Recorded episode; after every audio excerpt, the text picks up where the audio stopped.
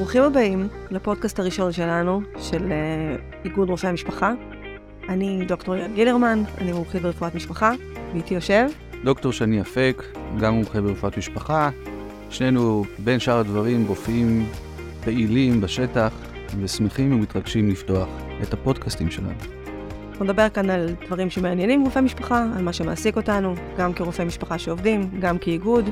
אז לפני שנתחיל, נגיד שיש לנו תיבת ג'ימל, שאפשר יהיה לשלוח אלינו שאלות, טענות, מענות, בקשות, נושאים שמעניין אתכם שנתעסק בהם, שנדבר עליהם, אורחים שמעניין אתכם לשמוע אותם, להקשיב להם. התיבה היא ifma פודקאסט את gmail.com. נהדר. נתחיל? נראה לי שכן. אז קדימה. אז הנושא של היום זה בינה מלאכותית. תחום שהולך ומתפתח ונכנס לכל חלקה טובה בקיום האנושי, ובין הדבר הזה גם לעולם הרפואי, לעולם שלנו. ואני שואלת את עצמי, איפה זה שם אותנו, ואם הגיע הזמן לחפש מקצוע חדש. זו בהחלט שאלה מאתגרת, זה הרבה שאלות מאתגרות. אני לא חושב שזה שם אותנו רק כרפואת משפחה, זה שם הרבה מקצועות אחרים ואת הרפואה בכלל. אבל לנו כרופאי משפחה יש את הייחודיות שלנו בשאלה הזאת. אנחנו נשאל שאלות שהן שאלות כלליות ושאלות פרטניות שמעסיקות אותנו באופן uh, ספציפי. אולי אני אפתח בציטוט דווקא מעיתון uh, הארץ של uh, אומנים, שבינה מלאכותית מתחילה להיות חלק מהעולם שלהם, וכתבה רות פתיר ציטוט uh, מעניין שאחרי זה נתייחס אליו, אבל אותי מאוד הטריד, זה שהאלגוריתמים האלה מאוד מוטים. הם לא יודעות לזהות אסיאתים, הם לא רואים טוב אנשים שחורים, הם מאוד מותאמים לגברים לבנים. טכנולוגיה היא תמיד בדמות של מי שייצר אותה. וזה בהחלט משהו שמטריד אותי. ואותך? מאוד, ולפני שנמשיך ונחקור בדבר הזה, אני רוצה להציג את האורח הראשון שלנו, דוקטור רונן ברקת. רונן ידבר איתנו קצת על הנושא של AI, הוא גם רופא משפחה, ומתעסק בתחום הזה, והוביל את האיגוד בהרבה חשיבה ותכנון ומחשבה לעתיד. מה שלומך? כיף להיות פה. מה אתה חושב על כל הנושא הזה? אתה מוביל את התחום אה, מבחינת האיגוד, אתה עוסק בזה גם ביום-יום. איך אתה רואה את התחום הזה משתלב איתנו ואצלנו? אני חושב שכמו כל טכנולוגיה, אנחנו צריכים אה, לראות איך אנחנו נהנים ממנה בצורה הטובה ביותר, ומזהים את הסיכונים בצורה הטובה ביותר, ומגיעים למקום שזה מש, משפר את הטיפול הרפואי ונותן ערך. בכלל, יש לי הרגשה שכשאנחנו אומרים AI, אנחנו בעצם זורקים איזשהו סל של דברים שלא כולו בדיוק AI. אז אולי קודם נגדיר למה אנחנו מתכוונים בכלל כשאנחנו מדברים על הנושא הזה, מה נכנס לתוך כל המטריה הזאת שאנחנו מכנים AI, וחלקה זה באמת אינטליגנציה מלאכותית, בינה מלאכותית, וחלקה זה בכלל מין סל טכנולוגי אחר לגמרי, שאנחנו מכלילים בדבר הזה. אז אני אקדים ואומר שאני לא מהתחום הזה. אני רופא משפחה שמתעניין בנושא ורוצה אה, לקדם את השימוש הנכון ברפואת משפחה, ומתוך זה אה, קצת למדתי את הנושא ושוחחתי עם אנשים, ובאמת אני מקדם את זה באיגוד. אפשר לומר שזה מתחיל מאלגוריתמיקות פשוטות של אם ככה אז ככה, אה, ומגיע עד למקומות של מודלים מאוד מורכבים עם אין ספור נתונים. שלא תמיד גם יודעים מה המודל עושה בכל מיני שיטות, כולל מודלים שלומדים בעצמם. זאת אומרת שאת אומרת להם בגדול לאן צריך להגיע, והוא כבר מוצא את הדרך איך הוא מגיע לשם. הטווח הוא מאוד מאוד גדול. אם רוצים איכשהו לעשות איזושהי הפרדה, אז מדברים על למידת מכונה, כאילו Machine Learning בתור הגבול, שזה לא סתם אלגוריתמיקה, אלא מודלים קצת יותר מתוחכמים. בהובלתך וחברים נוספים עשינו לפני מספר חודשים כנס אה, שעסק בעצם במה אנחנו רוצים מעצמנו אה, בתוך העולם הזה, מה אנחנו מגדירים לעצמנו, מה המחשבות שלנו, מה החזון שלנו. אולי תגיד על זה כמה מילים, זה קשור גם להגדרות וגם בעצם איך זה מתחבר אלינו. אז בעצם במפגש, אחרי שקצת למדנו ביחד על הנושא ודיברנו, הגענו לאיזשהו חזון של האיגוד, אה, שאומר שהאיגוד אה, יוביל וישפיע על תהליכים של תעדוף, יצירה, מחקר ויישום של בינה מלאכותית, תוך העצמת המפגש האנושי, בדגש על שמירת האתיקה, אוטונומיה של הרופא ומחויבות לחינוך רפואי. וזה המון דברים, אבל בעצם זה הנקודת מבט שממנה אנחנו רוצים לפעול, המקום של להיות בתהליך, להשפיע, להבין מה צפוי, להשפיע איפה שניתן ולהתכונן למה ש... עומד להגיע. אחד הדברים שאני חוויתי בכנס, זה היה תחושה שממילה באמת אמורפית, שחלקה מאיים וחלקה נראה קסם, למה רפואה שונה, למשל, ממשחק שחמט, שבו ה-AI אה, נוהג לנצח את אה, אלוף העולם, למה הרפואה תהיה שונה מזה, או שונה לפחות כרגע מזה? שאלה טובה. אה, יש פה כמה חלקים. קודם כל, עולם המידע של שחמט הוא עולם סגור, אוקיי? זה עולם שיש בו כללים, יש בו המון מהלכים אפשריים, אבל כולם בתוך עולם סגור. אתה זז קדימה, אתה זז שמאלה. זה, זה דבר אחד, בניגוד לרפואה, שעולם, יש בו כללים, אבל הם הרבה יותר אמורפיים. ולא את כולם אנחנו יודעים. ואפילו אפשר להגיד שחלק ניכר אנחנו לא יודעים. עוד משהו שמאפיין את השחמט שקצת יותר קשה ברפואה, זה האלמנט של הניסוי. אוקיי, מכונה יכולה לנסות אלגוריתם מיליון פעם, לשחק מול אלגוריתם אחר מיליון פעם, והמחיר של הטעות באותו ניסוי הוא שהולכים למשחק הבא. וניסוי קליני, תהליך רפואי, אם אנחנו מדברים על העולם הקליני, ניסוי הוא דבר מורכב, אנחנו מכירים את זה, זה יש לו מורכבות מאוד גדולה בשביל להגיע לתוצאה שהיא מאוד uh, חד-מימדית. אז התחושה הזאת שמחשב ניצח אדם מאוד מיומן, את השחמטאי הכי טוב, יוצרת תחושה שהמחשב באופן כללי יכול להחליף בן אדם שהוא מאוד מאוד חכם. אבל בהקשר הזה צריך להיות מאוד זהירים, ולראות באיזה, על איזה עולם אנחנו מדברים. אז נכון שרפואה זה מיומנות גבוהה ושחמטאי אלוף עולם זה מיומנות גבוהה, אבל העולמות והדרך להגיע לשם הם מאוד מאוד שונים. עוד נושא שעלה, מה שיטת העבודה וההעסקה שקיימת ב-AI, לעומת uh, מחקרים רגילים שהיום אנחנו משתמשים בהם בשביל uh, להסיק מסקנות, ההבדל בין עיבוי לקבלת החלטות, אם קצת לפשט את המילים, מה ההבדל בין למידה לבין רגרסיה שעושים לגבי, uh, שרוצים לקבל היום מסקנה ברפואה, משתמשים בכלים סטטיסטיים שאנחנו מכירים אותם, לא תמיד יודעים לעשות אותם, אבל מכירים לקרוא אותם, לעומת מה צפוי ב-AI מהבחינה הזאת. יכול להיות שאני מכליל, אבל באופן כללי, אה, הטכנולוגיות האלה מדברות על קורולציה. יכולות להגיע לקורולציות מאוד גבוהות, לזהות דברים שאחרת לא היינו מזהים, אולי חיבור בין דברים, אבל מאוד קשה לטכנולוגיות האלה לזהות סיבתיות. ופה ברפואה אנחנו מכירים שבעצם בשביל להבין סיבתיות אנחנו עושים מחקר RCT, אנחנו רוצים לראות אה, מה קורה בתוכנית א' מול תוכנית ב', ובדרך כלל על משהו אחד. אנחנו עושים control אה, על הרבה דברים אחרים, ואנחנו, בסוף יש לנו תוצאה, האם לעשות ככה זה יותר טוב, וגם על זה אפשר להתווכח. זאת אומרת, משהו מאוד מאוד נקודתי.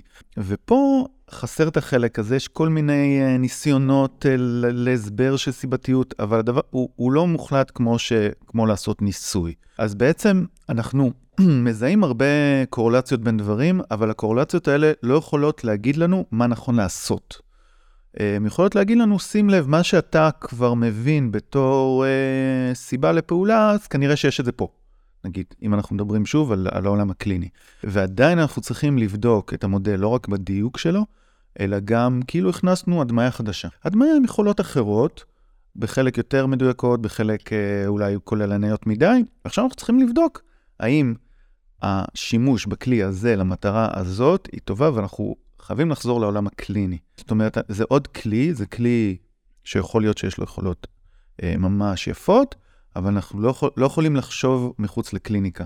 ומעבר לזה, אנחנו עושים ניסוי, אנחנו צריכים אחר כך אה, להיות מסוגלים לחזור אחריו, עליו, להיות מסוגלים אה, לעשות איזה מטה-אנליזה, ובסוף להחליט החלטה האם נכון להשתמש בכלי הזה, לא נכון להשתמש בכלי הזה. שוב, אני חוזר לעולם של החלטות קליניות. זאת אומרת, יש פה הבדל שהוא הבדל מאוד מאוד חשוב בשני אלמנטים. אלמנט אחד, ביכולת שלנו לייצר מהימנות וחזרתיות של אותן מסקנות. לפעמים אי יכולת שלנו להבין למה Machine Learning מסיקה את המסקנות האלה, ואנחנו לא יכולים בעצם לקחת את המודל הזה ולהשליך אותו אוטומטית ממקום אחד שהוא הוכח או הראה יעילות למקום אחר. וזה עוד לפני שבכלל נכנסנו, זה ברמה של העסקתיות, לקבלת ההחלטות.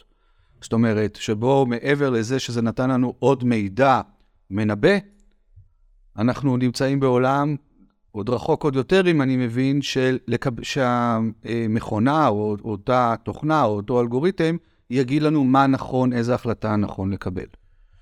אז, אז אני רוצה לדייק ולהגיד, אתה יודע, אם אנחנו מדקדקים, אז המקום שבו מכונה מחליטה, פחות קיים בעולמות האלה שאנחנו מדברים. ההחלטה היא בעצם להגיד, אני חושב שזה המצב, מבין, אני לא רוצה להגיד מילים כאלה שזה, אני מסיק שזה המצב כרגע, במצב הזה נהוג לעשות 1, 2, 3. זאת אומרת, ההחלטה היא על בסיס איזושהי חוקה שנכתבה מראש, יכול להיות שהחוקה הגיעה במחקר או שהיא באיזושהי דרך אחרת, אבל המושג החלטה, כמו שאנחנו מכירים אותו, אה, הוא, הוא קצת מרחיק לכת. אנחנו נגיד למכונה שכשמעבר לסיכוי כזה וכזה לאירוע כזה וכזה, ההחלטה הנכונה היא 1, 2, 3. ובגלל זה אני חוזר שנייה לשחמט. בשחמט יכול להיות ש, שהתהליך הזה של, שהוא עושה ניסויים בעצמו והוא מחליט על בסיס עולם שהוא יצר. פה אנחנו עדיין תמיד נגיד לו במצב כזה, תעשה ככה. אז המושג החלטה הוא פשוט יישום של חוקה. אני רוצה רגע להחזיר את זה לעולם שלנו, בסדר? בעצם, כשאני, כשאני מסתכלת על העולם הזה, שהמחשב אומר לי, על פי איזושהי למידה, אלגוריתם, מה שלא יהיה, נותן לי איזושהי שורה תחתונה. עכשיו, אני כרופאה, בסופו של התהליך, נמצאת בסיטואציה שהמחשב נתן לי איזשהו פלט, איזושהי המלצה, ואני צריכה להחליט בשטח, מול המטופל הבודד, מה אני עושה עם ההחלטה הזאת. ואני חושבת שהעיסוק שלנו בלהבין את הטכנולוגיות חשוב, כי אני צריכה להבין שהמחשב לא החליט החלטה. ואני עדיין צריכה להחליט החלטה.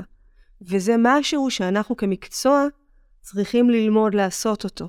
איך אני מבקרת משהו שאני לא עד הסוף מבינה את כל הדרך שהוא עשה עד שהוא נתן לי פלט של החלטה מסוימת. כי, וזה מביא אותי לדבר הבא שאנחנו התעסקנו אותו גם בכנס וגם שכל מי שמתעסק בזה חושב, על מי האחריות.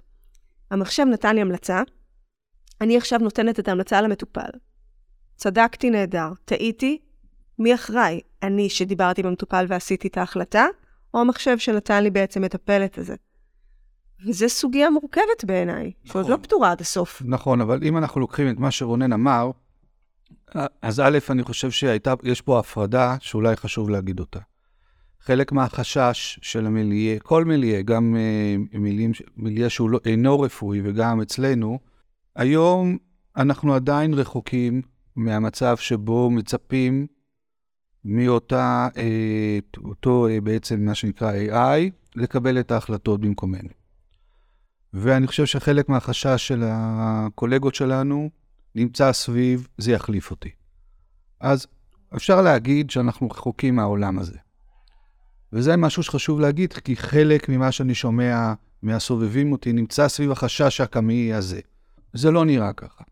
לא נראה ככה אפילו מעבר לענייני התקשורת הבין-אישי והרגישות והאנושיות, גם ברמה של ההחלטה הקלינית. יש חשש נוסף שיעל מציגה אותו, מה בעצם אני יודע, מה אני מבין ממה שהמחשב או אותה תוכנה ממליצה. כי אם אנחנו לוקחים למשל סקור או פרמינגהם, ברור לנו מה התהליך, גם אנחנו לא יודעים לשחזר אותו, ברור לנו מה התהליך שבנה אותו, ברור לנו מה המגבלות שלו, ויותר ברור לנו, למטופל הרלוונטי, האם אני מאמץ או לא מאמץ, כי יש לנו ראייה ביקורתית, או לפחות בתוך ההתמחות שלנו, אנחנו מלמדים את זה בצורה משמעותית, ראייה ביקורתית של יתרונות וחסרונות של כל כלי עבודה.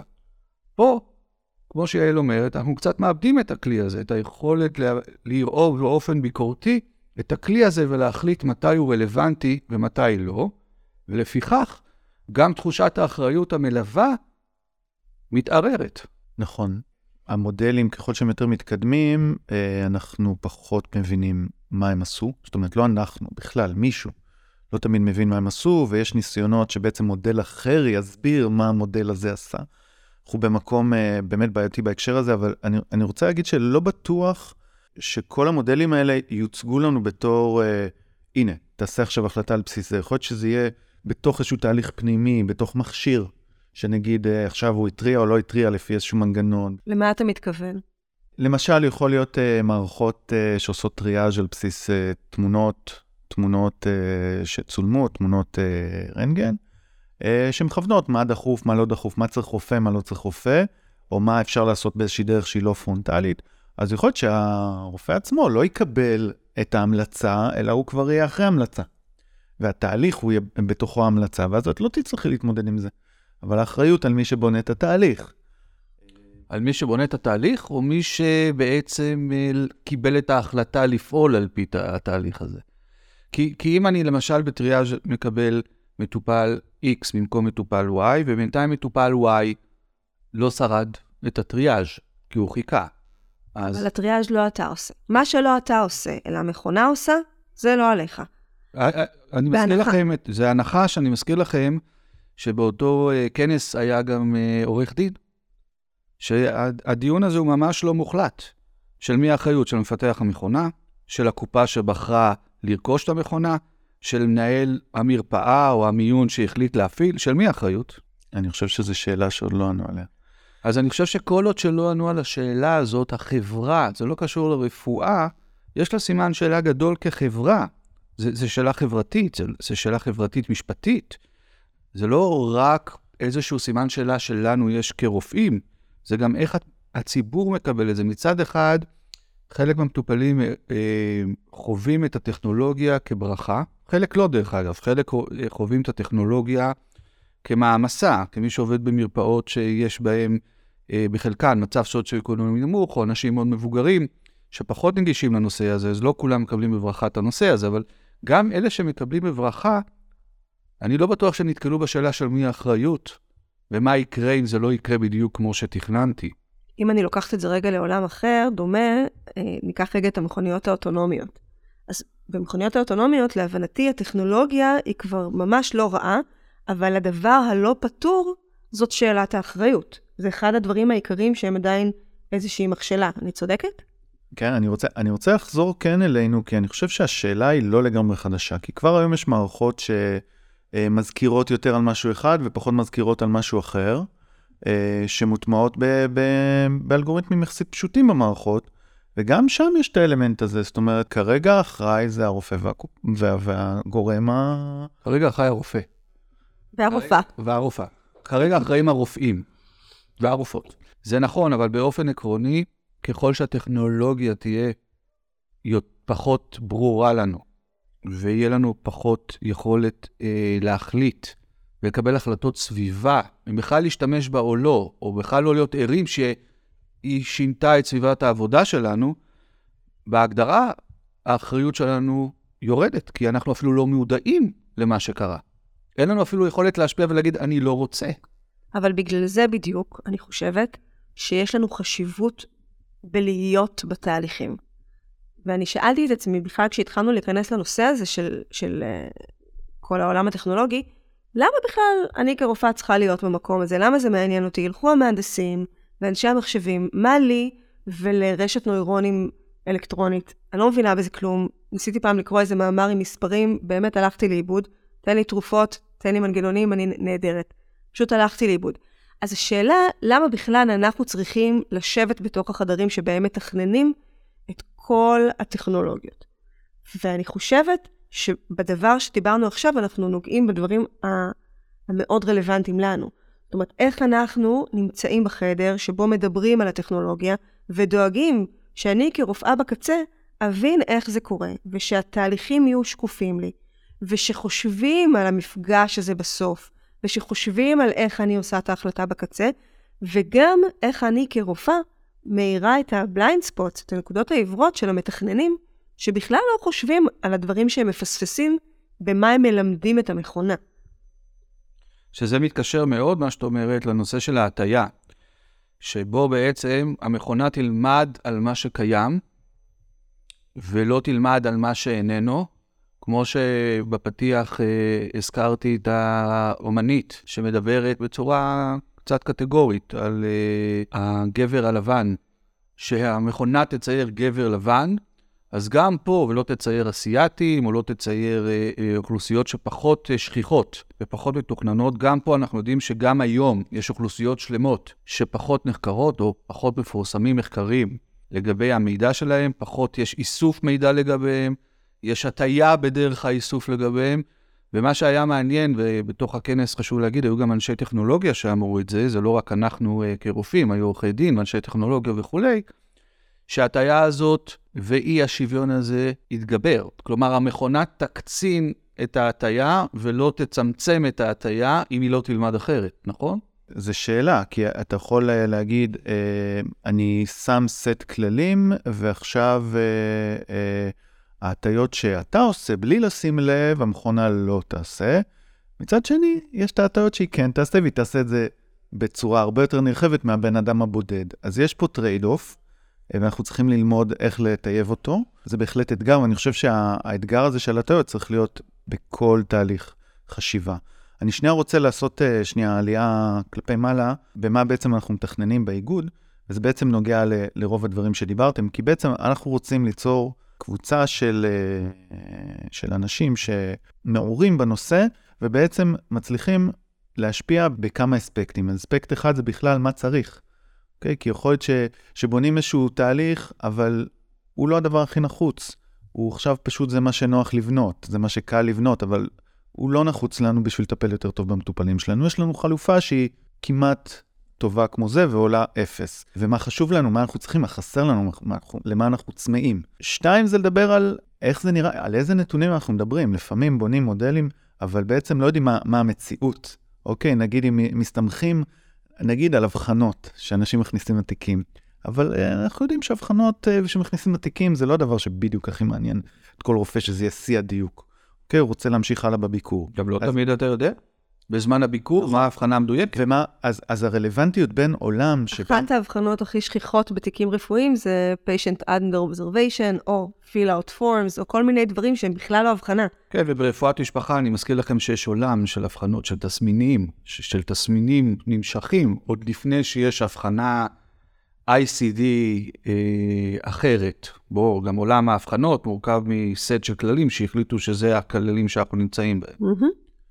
אז, אז בעצם להיות מסוגל, אה, ל, ל, ל, עכשיו, יכול להיות שבכל מקום יש איזשהו מישהו שמסביר את זה, בסדר, אבל כעיקרון, את הקונספט הזה שאי אפשר להתקדם על, על, על מודל בלי להבין בכלל על מה הוא מדבר, ואיך הוא נראה במציאות, לא מה הסט אה, קודים שהוא מתייחס אליו, אלא איך הדבר הזה מתנהג במציאות. גם להיות שותפים פעילים ולשקף אה, גם למקבלי החלטות, גם למתכננים בפועל, את הצרכים של צרכן, את החוויה של צרכן הקצה, בתוך, משלב התכנון ועד שלב הביצוע, כי בסופו של דבר, אם אני ככה מסכם את התפיסה שלנו, אנחנו מבינים שזה העולם, ואנחנו אה, רוצים להיות מעורבים בו בשביל שיהיה מתאים לעולם שלנו, שישפר את עולם הטיפול, ובעצם ייצר מנגנון שבו שותפים כל בעלי העניין לטובת המטופלים,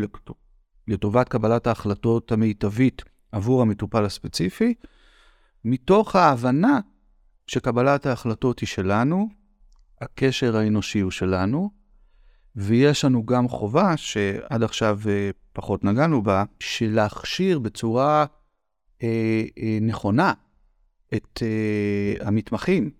שנייה לפני שאנחנו הולכים להכשרה של אה, מתמחים, אני רוצה להכניס עוד משהו שהבנתי אותו בכנס טכנולוגיה האחרון שהיה בהסתדרות הרפואית, וזה את ההבדל בסקייל של הדבר הזה כשמדברים על רפואת משפחה. כי כשאנחנו מדברים על כל מיני הכנסה של טכנולוגיות במקצועות אחרים, זה בדרך כלל גם במקומות של ה-AI, זה דברים קטנים, נקודות קצה, שגדלות לאט-לאט, שיש איזה משהו אה, מאוד ספציפי, שמתמקצעים בו, והוא גדל ומתפתח תוך כדי. בעולם של רפואת משפחה, כמעט כל הדברים שהוכנסו עד היום, הם בסקייל מטורף. זאת אומרת, זה הכל מהר מאוד על קבוצה מאוד מאוד גדולה, גם של רופאות ורופאים וגם של מטופלים.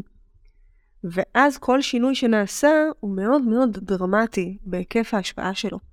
כך שאנחנו חייבים להיות עם יד על הדופק, רגל על הברקס, עיניים על ההגה, כדי להיות שם ולוודא שאנחנו לא סוטים מהמסלול בצורה קולוסלית בלי לשים לב, דוהרים קדימה לאיזה כיוון לא רלוונטי.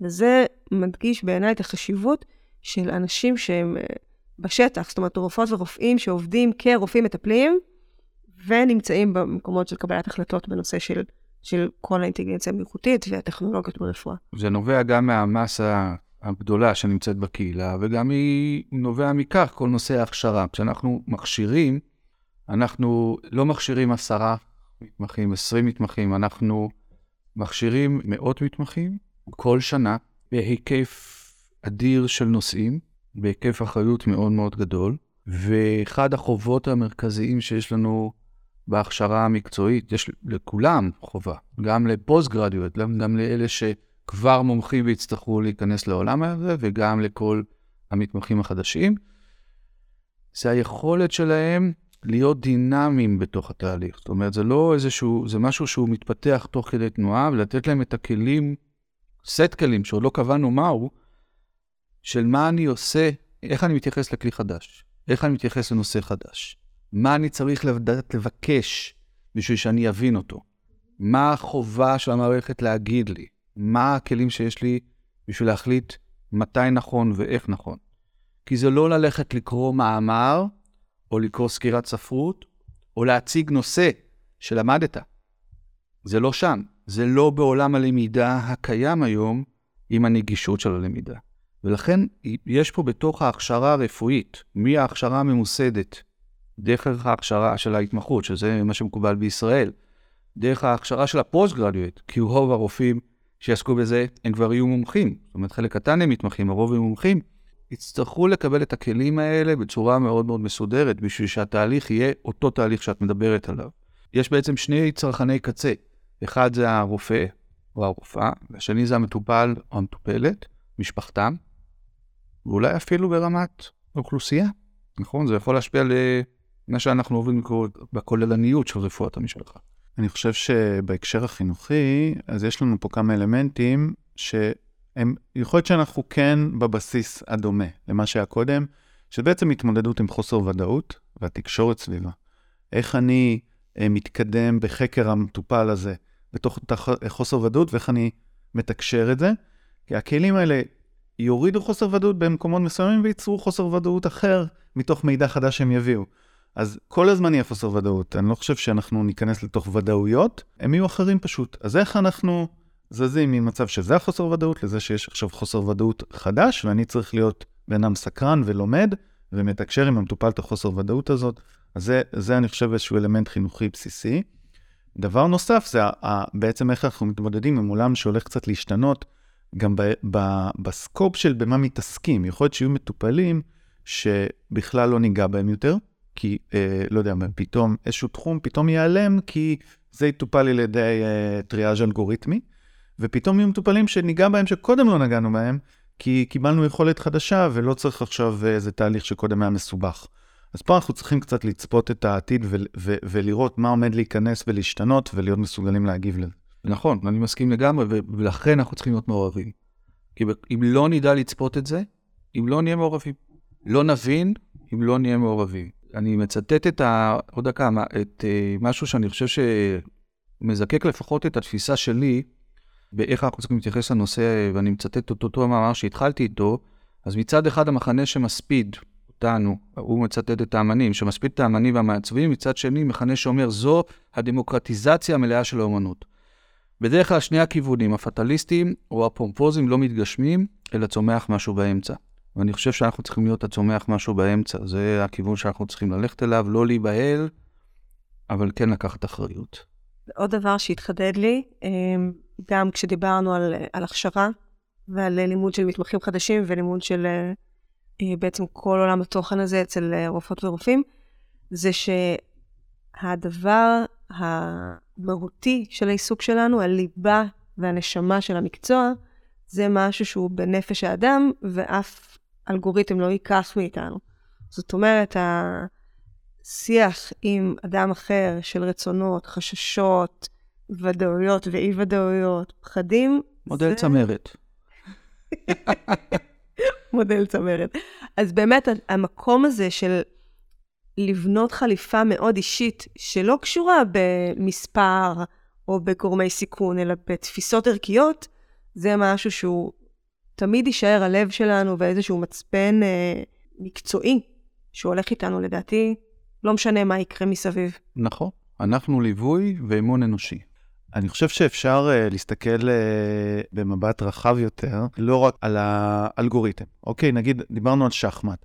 אז uh, uh, דברים שקרו בעולם השחמט אחרי שהמחשב ניצח את uh, אלוף העולם, זה לא שעכשיו אנשים לא משחקים יותר שחמט כי כבר אין טעם, כי כבר המחשב ניצח את אלוף העולם, אלא זה שינה קצת את עולם השחמט. בעצם היום בטלפון יש לנו שחקן שחמט שהוא אלוף העולם, אני יכול לשחק נגדו, אני יכול שהוא יסביר לי דברים וילמד אותי וינתח את המשחק, ובעצם גם קצת סגנון המשחק של האנשים השתנה. אוקיי, הוא נהיה קצת יותר אה, מחשבי, כי, כי עכשיו אנחנו קצת לומדים מהמחשב, וגם הצורה שאנשים בעצם לומדים מהמשחק של עצמם. פעם בטורנירים אנשים אחרי המשחק היו נאספים, ביחד מנתחים את המשחק, היום כל אחד הולך למחשב שלו. בסדר? עכשיו, מצד אחד, זה הנגיש את היכולת להגיע לרמות מאוד גבוהות, למקומות שגם אה, אין אה, גאוני שחמט ואין מורים אה, גאונים, כי יש את זה לכל אחד, אבל הוא כן קצת שינה. זאת אומרת, העולם השתנה, האם לטובה, האם לרעה, מאוד קשה להגיד, השאלה מה חשוב לנו, אבל זה כל מיני שינויים שלא קשורים רק לאלגוריתם, אלא לעצם זה שיש שם אלגוריתם. לגמרי, אבל הנה תשים לב שדיברת על החוויה האנושית שהשתנתה וגם החוויה החברתית. זאת אומרת, אני לא מכיר את מה שאתה אומר, אבל מתוך מה שאתה מתאר, אנשים היו פעם הולכים ביחד. לי ככה אמר, רגע, הם כבר לא הולכים ביחד. אז אני לא יודע אם זה נכון או לא נכון, אבל זה משהו שחייבים לשים אליו לב, כי הביחד שלנו ברפואה, הכוונה ביחד כקולגות וביחד אל, עם המטופלים, זה חלק מהאסנס הטיפולי, של החלק האנושי, החלק החברתי, החלק הבין-אישי, שחייבים לשמר אותו בתוך התהליך. אבל שימו לב שחלק מהשינוי הוא גם בעיני המתבונן, ומה שאני רואה בתור משהו אנושי בסיסי, הילדים שלי מסתכלים אחרת. וגם אני, למשל, ניקח רגע לעולמות אחרים, הרבה יותר אוהבת לתקשר עם הבנק שלי בוואטסאפ. ויכול להיות שלפקידה היה יותר נעים אם הייתי באה ומפטפטת איתה. קראתי כתבה מעניינת על זה ש... אני לא זוכרת איפה, בהולנד נדמה לי, עשו קופות פטפוט בסופר. קופה שבה אתה יכול לעבור בקופה ולפטפט עם קופאית בלי שצועקים עליך שאתה מעכב את התור.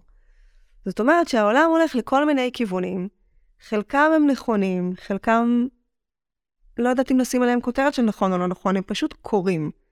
ואנחנו צריכים להסתכל על השינויים האלה ולראות איך אנחנו נשארים במקצוע הזה ומכניסים אליו ערך, וגם נהנים, רחמנא ליצלן. לגמרי. רוצה ללכת בבוקר לעבודה וליהנות ממה שאני עושה. וגם זה ערך שחשוב להגיד אותו אולי. אבל אני חושב שבדמיון האנושי, שאת מתארת את התהליכים, אם אני מסתכל על אנשים שהדמיון שלהם אה, אה, עתידנות ודמיון של מה יהיה, גם סופרים וגם תסריטאים שכותבים אה, סדרות אה, או סרטים, אף פעם לא מוותרים על תפקיד הרופא. בטח לא הרופא האישי. יש אולי טכנולוגיה שעושה מהר יותר דברים, אבל המתווך והאיש שנשאר ליד המטופל זה דמות אנושית. גם אלה שהטכנולוגיה היא נר לרגלם, וזה לא משנה אם זה אסימוב או לאורך כל השדרה, מהפופולרי ועד היותר מקצועי. אני חושב שזה אומר statement. בסוף, לאורך כל החברה האנושית היה דמות של רופא. קראו לו שאמן, קראו לו דברים נוספים, זה לא משנה, אבל היה דמות אנושית ליד הסבל. היה דמות אנושית שמתווכת את הצרכים האלה. ואני חושב שזה משהו שישמר כי החברה תצטרך את זה. גם, גם ה, בעצם השחמט יש לו חוויה מסוימת בתוך התהליך, הבנק יש לך ציפייה מסוימת מתוך התהליך. עדיין לזמן מחלה, סבל, חרדה וחשש, יש לך הרבה פעמים ציפיות אחרות. אמן. כן, יהי רצון. אז דיברנו היום, דיברנו היום על AI, על טכנולוגיות ברפואה, על טכנולוגיות ברפואת משפחה. דיברנו קצת על מה המקום שלנו כרופאות ורופאי משפחה, על מה המקום של האיגוד, האם חשוב בכלל שנהיה בכל המקומות של התכנון ושל העיסוק בזה, ואני חושבת שהגענו למסקנה שמאוד חשוב שנהיה שם, שהקול שלנו הוא משמעותי, שאנחנו צריכים להיות חלק ממי שמובילים את הדרך הזאתי של התפתחות הטכנולוגית, כדי שהוא יהיה לטובת המקצוע, לטובת המטופלים שלנו, וגם לטובת השמחה המקצועית שלנו, שהיא דבר חשוב בעיניי. דיברנו על חינוך רפואי, דיברנו על איך זה משפיע על החינוך הרפואי, מהם ערכי היסוד שאנחנו צריכים ללמד את המתמחים שלנו ואת הרופאים שלנו, גם במובן של איך לומדים דבר חדש, זה עולם חדש ואנחנו צריכים ללמוד אותו כדי שנוכל להמשיך להיות הרופאות והרופאים הביקורתיים, החושבים, האינטליגנטים, ולהרגיש ביטחון במה שאנחנו אה, מתווכים למטופלים שלנו. וגם בהם ערכי הליבה האנושיים, שתמיד המשיכו ללוות אותנו. כי בסוף אנחנו ליד המטופלים, והם מלווים אותם במקומות של קושי וסבל, והצד האנושי תמיד יישאר בעצם במגרש שלנו. ואני חושבת שבזה כיסיתי את רוב הנושאים שעסקנו בהם. שני? אולי יש... גם הפגנו קצת חששות. אולי גם הפגנו. וקצת uh, פיזרנו ערפל, ובעיקר שאלנו שאלות שחשוב שנמשיך לדון בהן. לגמרי. אז מי שרוצה להעלות עוד שאלות, תהיות, דברים שקשורים לטכנולוגיות ודברים בכלל שקשורים לרפואת משפחה, שהייתם רוצים שנדבר עליהם בהמשך, אורחים שהייתם רוצים שנביא לכאן, שאלות שעלו לכם בעקבות הפודקאסט הזה, אני מזמינה אתכם לשלוח לנו ל-ifma podcast את gmail.com, ifma podcast את gmail.com. דברו איתנו, נתראה בפודקאסט הבא. תודה רונן. תודה רבה לכם.